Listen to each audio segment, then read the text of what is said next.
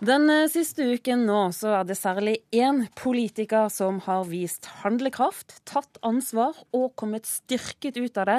Observante lyttere vil nok kjenne igjen disse ordene, for de er ganske hyppig brukt om den avgåtte statsråden Audun Lysbakken.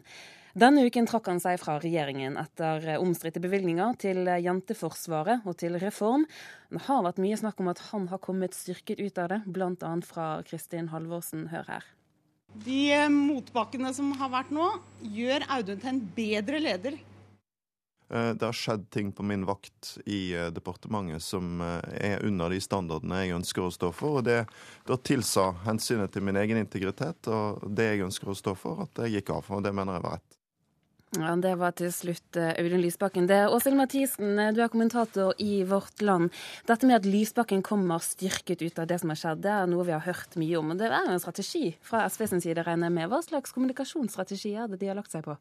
Nei, dette er jo eh, en strategi der man har eh, veldig dårlig tid. Fordi man er nødt til å eh, bygge han opp frem til landsmøtet. Det vil si at de har det travelt med at han har tatt konsekvensen av sine synder og må lide seg gjennom det, og så må han bli et bedre menneske i løpet av få dager. Og eh, i går så var han da på Lindmo og snakka ut eh, om noe som skjedde på mandag. Eh, han snakka ut om det som om det var tre år siden det skjedde, og han har lært utrolig mye og utvikla seg som menneske. Det er en litt farlig retorikk også, fordi at enkelte i SV begynner å murre. Han har faktisk gjort noe galt, det må få konsekvenser. Han kan ikke bare svinge i døra og bli statsråd igjen. Eh, han må på en måte ta konsekvensen av dette. Så det er et eh, farlig spill. Eh, men likevel, eh, det, det, både Kristin Halvorsen og Lysbakken holder seg stramt til dette, denne, dette manuset. Kjellers Berge, du er også her i studio. Kan jeg kalle deg retorikkekspert? Gjerne det. Gjerne det. Ja. Altså, har man noe valg, noe annet valg, når man skal både både bygge opp en ny leder og samtidig ta konsekvensene av det som har skjedd?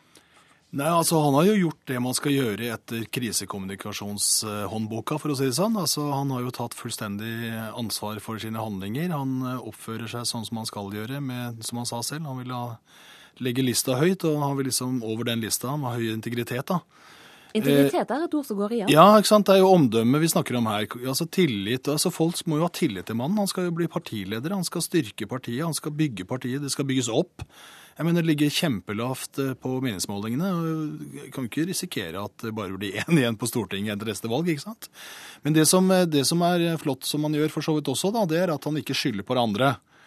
Og eh, det er også nødvendig liksom, å ta fullt ansvar selv, men akkurat som Åshild Mathisen sier her, sånn, så er det jo et problem her. fordi at han skal jo ikke Han går jo ikke av fra å være Altså han går av som statsråd, men han skal jo bygge seg opp til å bli leder i et parti som ligger ganske lavt nede på meningsmålingene. Og der er problemet.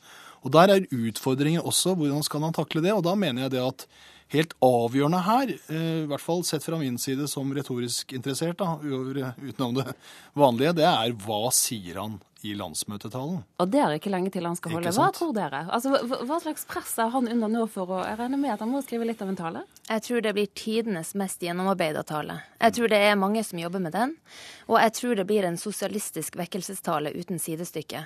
Eh, jeg tror det er bare å finne frem Kleenexen. Dette blir rørende. Han kommer til å snakke om hvor tøft dette har vært, men at eh, det er én ting som gjør det verdt det, og det er SVs politikk. Han må bare fortsette å kjempe for den. Så denne talen tror jeg det er mange som er involvert i, og eh, her kommer det til å bli spilt på følelser. Jeg, jeg, tror det, jeg er helt enig i det, og det, han er nødt til å gjøre det. Altså, han må bygge, Store deler av talen må faktisk bygge tillit til sitt eget parti, og også til oss der ute. For jeg regner med at denne talen kommer til å vekke stor interesse. Ikke bare i pressen, men også selvfølgelig blant de der mange ute som har en gang har stemt på SV, eller som kan tenke seg å stemme på SV. Jeg regner med at det er veldig mange som sitter på gjerdet. For det ser ikke ut som Arbeiderpartiet har vunnet så veldig mye på at SV har gått kraftig ned, altså. Men det jeg også tenker, det er at eh, SV har jo større utfordringer enn Lysbakken. Altså Denne talen må jo faktisk handle om som du sa også, om, eh, om SVs politikk, og hva skulle det være? Altså De har jo sittet nå i regjering i veldig mange år. Og de har også sittet i en regjering og hatt det ganske komfortabelt, for det er en regjering med stortingsflertall. Eh, eh, sånn at hva i all verden er SVs politikk? Altså, det lurer vi veldig mange på, tror jeg. Altså, de har kunnskapspolitikken, de har forskningspolitikken, de har bistandspolitikken, de har hatt likestillingspolitikken. Men i veldig liten grad tror jeg folk har fått med seg hva egentlig står for som er spesifikt SV. Og det mener jeg må være også utfordringen med den talen, å faktisk fortelle det, slik at det faktisk også kan etterprøves, slik at vi kan se at det faktisk er noen poeng i at SV sitter i regjering. altså. Det er eh, landsmøte om noen dager, eh, men jeg vil likevel eh, holde litt tilbake til det som har skjedd de siste dagene. For da har vi nesten fått et slags inntrykk av at en del SV-ere fremstår det å, det å gjøre en feil, innrømme det og så gå av, at, at man blir en bedre politiker av det. Det inntrykket du har fått, Silje Mathisen? Ja, altså dette er jo eh, historiefortellinga til Kristin Halvorsen. Eh, men det vi ser når, når eh, Solhjell i dag går ut og, sier, eh, og presiserer på en måte at eh, vi må aldri snakke oss bort ifra at her har det skjedd en feil. Han måtte gå av. Det tror jeg han gjør fordi at det blir murra over at eh, Kristin Halvorsen på et vis overspiller helten Lysbakken. Eh, eh, og, og, eh, samtidig så sier Solhjell indirekte til sine egne når han sier at dere må gjerne diskutere det som har blitt gjort galt, og at det er et problem, men tenk over konsekvensene ved å velge en annen også. Han sier på en måte til sine egne at dette Altså, han sier at han må ha legitimitet og mandat hvis han vil, skal bli Hvis han skulle bli den nye leder. Han vil ikke at dette skal bli en ideologisk kamp, fordi det vil være i kjølvannet av dette vil bare ødelegge SV. Dette er en historiefortelling, og den historien om eh, SV og Audun Lysbakken den kommer til å fortsette fremover nå. Eh, altså, Kjellers Barge, ditt stalltips hvordan de kommer til å ordlegge seg, og hva slags strategi SV kommer til å legge seg på? Nei, altså jeg tror jo også Mathisen har sagt det veldig godt. altså Det er jo å legge veldig vekt på det emosjonelle, det følelsesmessige. Det, det tillitsoppbyggende arbeidet må settes i gang. altså Han må styrke sitt etos. Og han må vise seg som en handlekraftig leder, som en tydelig leder, som en troverdig leder. ikke sant? Han, han er nødt til å bruke la oss si fem-seks minutter av den talen. Da. Det er ganske mye tid på å gjøre akkurat det. da. Og så må han selvfølgelig også binde, sørge for at partiet blir engasjert. De må få liksom motet tilbake.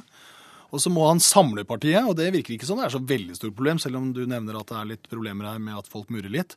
Og så er det da selvfølgelig å gå ut til velgerne, altså engasjere velgerne. Kjellers Berge og Åsund Mathisen, takk for at dere var med oss her i Kulturnytt.